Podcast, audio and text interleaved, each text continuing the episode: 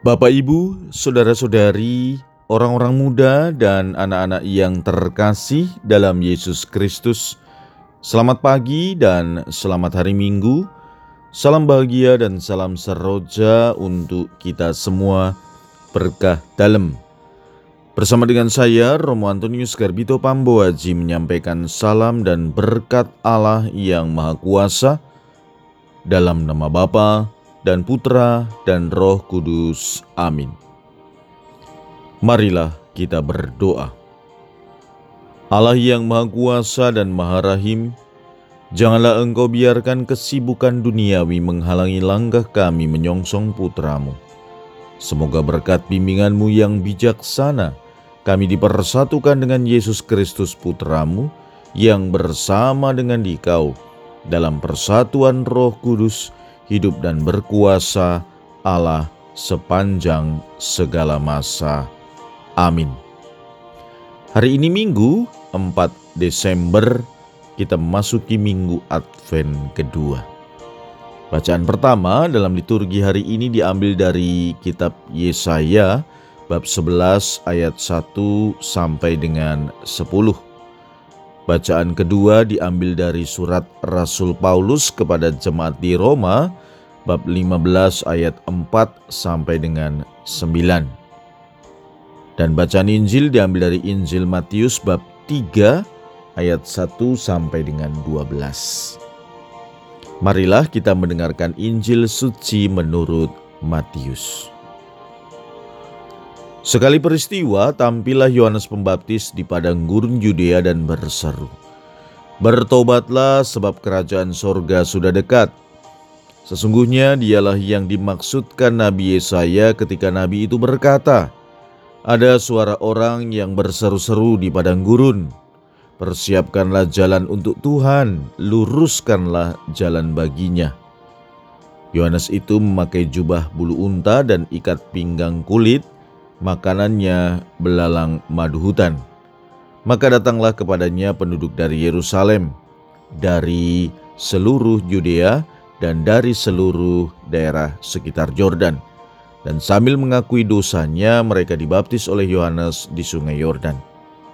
Tetapi waktu melihat banyak orang Farisi dan orang Saduki datang untuk dibaptis, berkatalah Yohanes Pembaptis kepada mereka, "Hai kamu, keturunan ular beludak, Siapakah yang mengatakan kepada kamu bahwa kamu dapat lolos dari murka yang akan datang? Maka hasilkanlah buah yang sesuai dengan pertobatan, dan janganlah mengira bahwa kamu dapat berkata dalam hatimu, "Kami adalah anak Abraham." Sebab aku berkata kepadamu, dari batu-batu ini pun Allah dapat menjadikan anak-anak bagi Abraham. Kapak sudah tersedia pada akar pohon dan setiap pohon yang tidak menghasilkan buah yang baik pasti ditebang dan dibuang ke dalam api. Aku membaptis kamu dengan air sebagai tanda pertobatan, tetapi ia yang datang kemudian daripadaku lebih berkuasa daripadaku dan aku tidak layak melepaskan kasutnya. Ia akan membaptis kamu dengan roh kudus dan dengan api. Alat penampi sudah di tangannya, ia akan membersihkan tempat pengirikannya dan mengumpulkan gandumnya ke dalam lumbung. Tetapi debu jerami akan dibakarnya dalam api yang tidak terpadamkan. Demikianlah sabda Tuhan. Terpujilah Kristus. Salah satu tokoh besar yang membantu kita merenungkan dan membimbing kita dalam rangka mempersiapkan Natal adalah Yohanes Pembaptis. Sok-soknya kita kenal dengan baik. Ia tidak saja mempersiapkan jalan lurus untuk kedatangan Tuhan, tetapi juga menyiapkan keadaan batin setiap pribadi yang mau menyambut kehadirannya. Di tengah kesibukan dunia yang beragam, Yohanes Pembaptis tetap menjalankan misi persiapan batin ini secara total. Kehadiran Tuhan akan menjadi sempurna jika setiap pribadi merelakan diri untuk bertobat. Saudara-saudari yang terkasih dalam Yesus Kristus,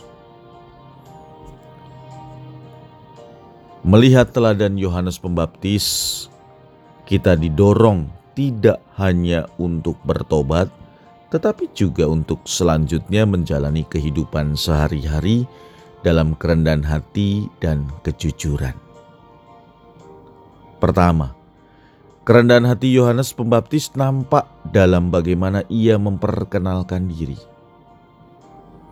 Sebagai pribadi yang rendah hati, dia tidak mengatakan, "Aku anak Zakaria, seorang imam dari Abia." Untuk menunjukkan bahwa ia berasal dari keluarga terpandang. Tetapi yang dikatakannya adalah, "Akulah suara orang yang berseru-seru di padang gurun, luruskanlah jalan Tuhan. Ya, ia berperan hanya sebagai suara. Dan lagi, untuk menunjukkan bagaimana dia rendah hati, aku membaptis kamu dengan air. Tetapi ia yang datang kemudian daripadaku lebih berkuasa daripadaku dan aku tidak layak melepaskan kasutnya. Padahal Yohanes Pembaptis sungguhnya adalah tokoh penting, sebab padanya terangkum dua peran sekaligus.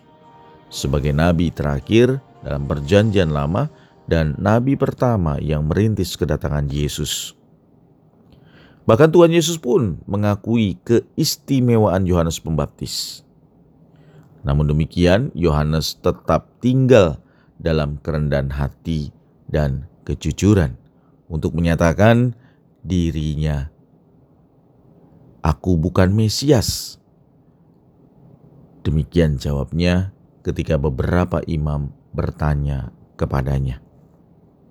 Yang kedua, kejujuran dan keteguhannya untuk menyatakan apa yang benar dan apa yang salah, bahkan akhirnya menggiringnya sampai kepada kematian.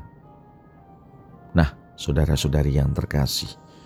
Bagaimana dengan kita? Apakah kita cenderung menganggap diri penting dan istimewa? Dan dapatkah kita melihat bahwa Tuhanlah yang penting dan istimewa, sedangkan kita ini bukan siapa-siapa? Yang kita perkenalkan bukan diri kita, tetapi Tuhan. Yohanes telah memberikan contoh kepada kita maka jangan sampai kita lebih banyak mewartakan diri sendiri daripada mewartakan Kristus. Marilah dalam pekan Advent yang kedua ini kita sungguh memeriksa batin kita. Apakah perkataan dan perbuatan kita telah mewartakan Kristus atau belum? Semoga kita juga dapat berkata sama seperti Yohanes. Dia Kristus harus makin besar, tetapi aku harus makin kecil. Marilah kita berdoa. Ya Tuhan, kami telah Engkau kenyangkan dengan santapan sabda. Semoga dengan mengambil bagian dalam misteri kudus, kami dibantu agar dengan bijaksana menimbang hal-hal duniawi dan dengan tekun mengusahakan hal-hal surgawi. Berkat Allah yang Maha Kuasa, dalam nama Bapa dan Putra dan Roh Kudus. Amin.